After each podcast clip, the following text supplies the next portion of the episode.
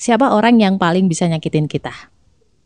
Yes, bukan lain dan bukan bukan. Apa sih? Tidak lain dan tidak bukan adalah orang yang menurut kita dekat.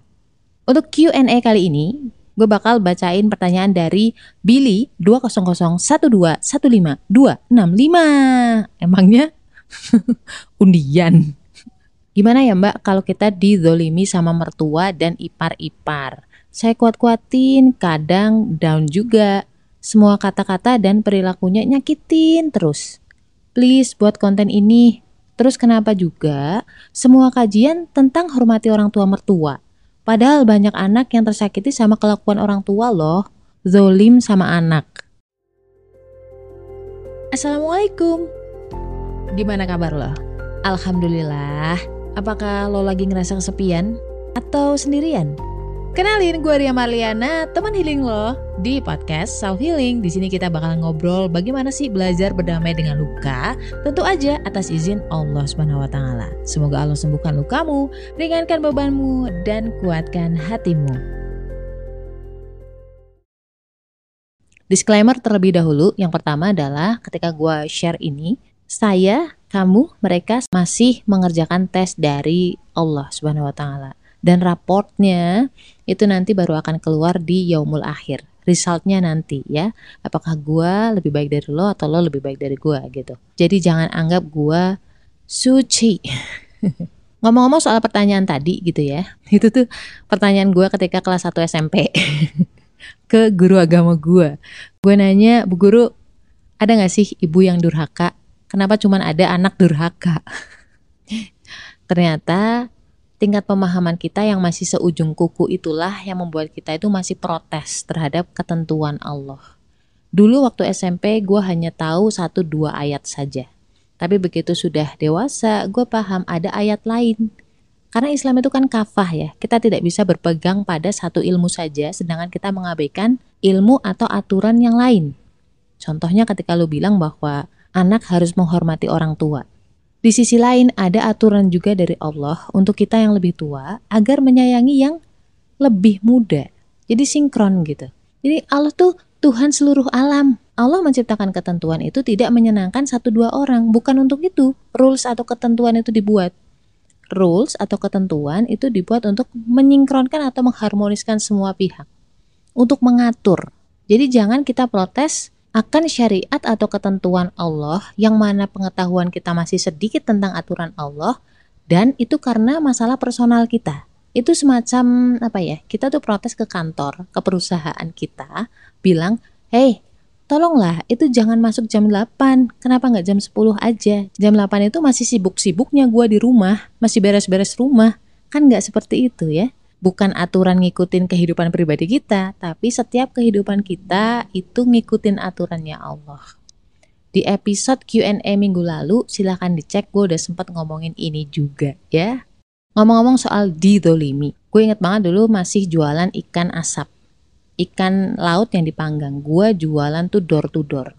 Suatu ketika gue sampai di sebuah warung. Nah, gue jualan di sana, gue buka tuh boxnya, ibu-ibu pada ngumpul lihat-lihat apa nih mbak? Gitu kan. Ikan asap bu gitu. Di tengah obrolan itu tiba-tiba datang seorang ibu-ibu. Ngambil satu lihat-lihat. Dia nanya ke gue berapa mbak ini? Tiga ribu bu. Apaan nih tiga ribu? Di pasar aja sepuluh ribu dapat dua belas. Terus ikan itu dia lempar lagi ke box gue dan dia berlalu begitu saja tanpa sempat gue defense menjelaskan lebih jauh. Dan ibu-ibu yang lain tidak jadi beli. Hari itu gue pulang tanpa ada satupun ikan asap yang terjual. Pertanyaannya adalah, apakah ibu-ibu itu dolim sama gue? Belum tentu. Bisa jadi ibu itu tidak tahu kondisi keuangan gue. Ibu itu tidak tahu kondisi gue ibu itu juga nggak tahu bahwa gue sebenarnya cuman untung 500 perak. Karena apa? Karena kualitas ikan yang gue jual dengan kualitas ikan yang ada di pasar itu berbeda. Bisa jadi juga si ibu itu pernah ditipu orang mungkin.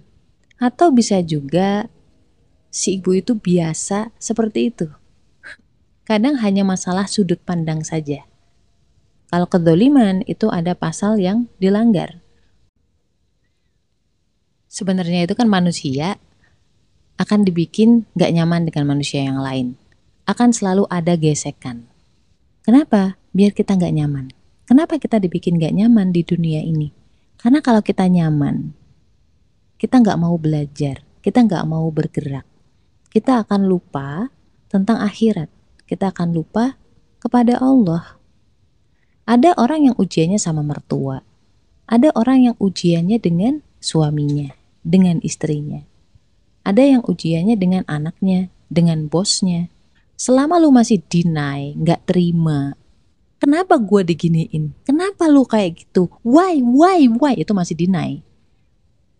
Percayalah, kalau fokus lo masih di situ, sakit yang lo alamin, sakit yang lo rasain, itu makin dalam Rasulullah saja, Bunda Aisyah saja, Nabi Yusuf dan nabi-nabi yang lain, orang-orang soleh yang lain yang baik-baik, itu juga digituin. Bahkan jauh lebih parah. Apalah gue gitu ya. Segala sesuatu di dunia ini itu kan sebenarnya datang dari Allah. Ketika kita marah, ketika kita kita ketika kita didolimi, ketika ada orang jahat ke kita, itu kan atas izin Allah ya, ya kan? Kenapa Allah ngirim itu ke kita? Kenapa Allah kirim orang-orang itu dekat sama kita? Kenapa? Orang yang tahu, orang yang pernah dengar ilmu magnet rezekinya dari Ustadz Nasrullah, itu pasti paham dan pasti bahagia justru ketika ada musibah atau masalah. Karena apa? Karena sebentar lagi kalau dia lulus di ujian ini akan ada rizki, akan ada tambahan rizki. Tambahan rizki itu bukan hanya sekedar hubungan yang baik dengan orang itu, dengan mertua lo misalkan. Bahkan kadang ada rizki yang berbentuk duniawi loh. Kamu bisa cari deh di ilmu magnet rizki Ustadz Nasrullah yang judulnya Paradox of Candy. Paradox of Candy itu jadi kayak lo dikasih permen nih, ya kan? Ketika lo mau permen itu, kan pasti ada bungkusnya. Ya dong, masa kamu mau sih tak kasih permen yang gak ada bungkusnya? Jijik kan? Gua kasih lo permen yang ada bungkusnya. Ketika lo mau permen itu, otomatis lo harus buka bungkusnya. Lucunya, kita sebagai manusia itu fokus kepada bungkusnya. Kenapa sih bungkusnya warnanya merah? Kenapa sih bungkusnya dari plastik? Kenapa sih bungkusnya itu bentuknya kayak gini lucu, aneh, dan kawan-kawan? Akhirnya lu tolak gitu permennya nggak jadi deh dapat permen nggak jadi makan permen gitu begitulah kita kita tuh justru fokus kepada ketidaknyamanannya padahal seharusnya yang kita fokuskan adalah ada apa nih di balik bungkus ini? Ada apa nih di balik ketidaknyamanan ini? Dan gue secara pribadi ketika sesuatu itu terjadi gue langsung konekin itu ke Allah. Jadi ketika lu mau makan permen itu, lu mau dapetin hadiah itu, lu mau dapetin tambahan rezeki itu, yang pertama adalah lu accept dulu lu terima dulu, lu ridho dulu gitu atas semuanya. Kalau susah ridho, doa sama Allah, ya Allah tolong jadikanlah hamba ridho dengan ini semua. Lalu yang selanjutnya adalah ubah fokus kamu, fokus ke Allah. Oh, ketidaknyamanan ini adalah cara Allah agar aku ingat sama Allah. Alhamdulillah.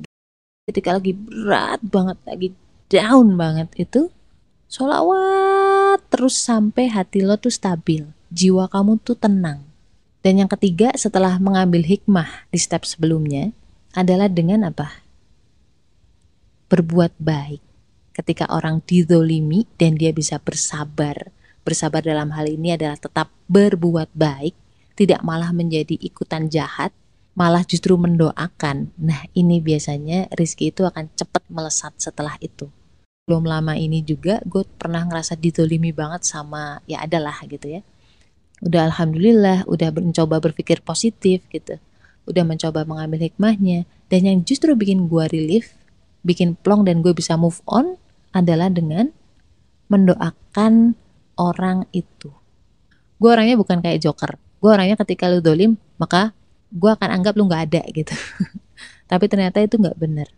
Aku doain dia Semoga diberi rahmat, diberi hidayah, Dan ketika kita mendoakan orang lain dengan tulus, itu malaikat akan mendoakan balik ke kita hal yang sama atau bahkan lebih. Dan doanya malaikat gitu jauh lebih makbul dibanding doa kita. Karena apa? Karena malaikat nggak punya dosa.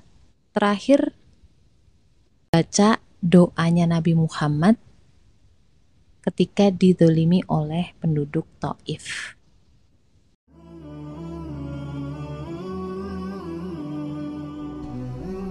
Ya Allah, kepadamu aku mengadukan kelemahanku, kekurangan daya upayaku di hadapan manusia. Wahai Tuhan yang Maha Rohim, Engkaulah Tuhan orang-orang yang lemah dan Tuhan pelindungku. Kepada siapa hendak Engkau serahkan nasibku? Kepada orang jauhkah?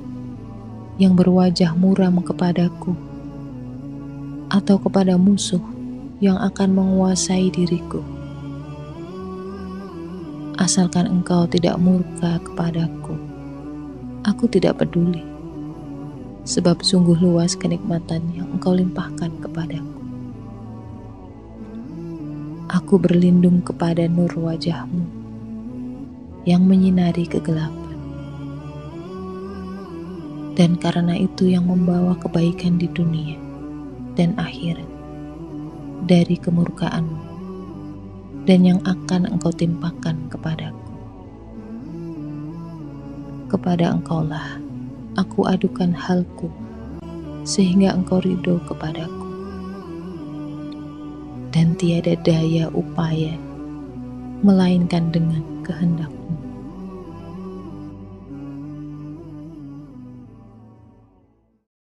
Segitu mulianya Nabi Shallallahu Alaihi Wasallam. Beliau mendoakan agar keturunan penduduk Taif suatu saat akan menyembah Allah dan beribadah kepadanya. Baca doa itu ketika lagi sangat sedih, sangat kalut. Insya Allah tuh lebih dikuatkan dan bikin kita tuh plong terus nangis gitu. Dan asal kalian tahu, ketika kalian bisa membalas tapi kalian tahan, kalian angkat tangan untuk berdoa, yang akan membela kalian tuh bukan orang lain, bukan manusia lagi, tapi Allah. Kalau nggak percaya, coba aja. so, semoga membantu. La haula wala quwata illa billah. Stay love and assalamualaikum warahmatullahi wabarakatuh. Episode selanjutnya.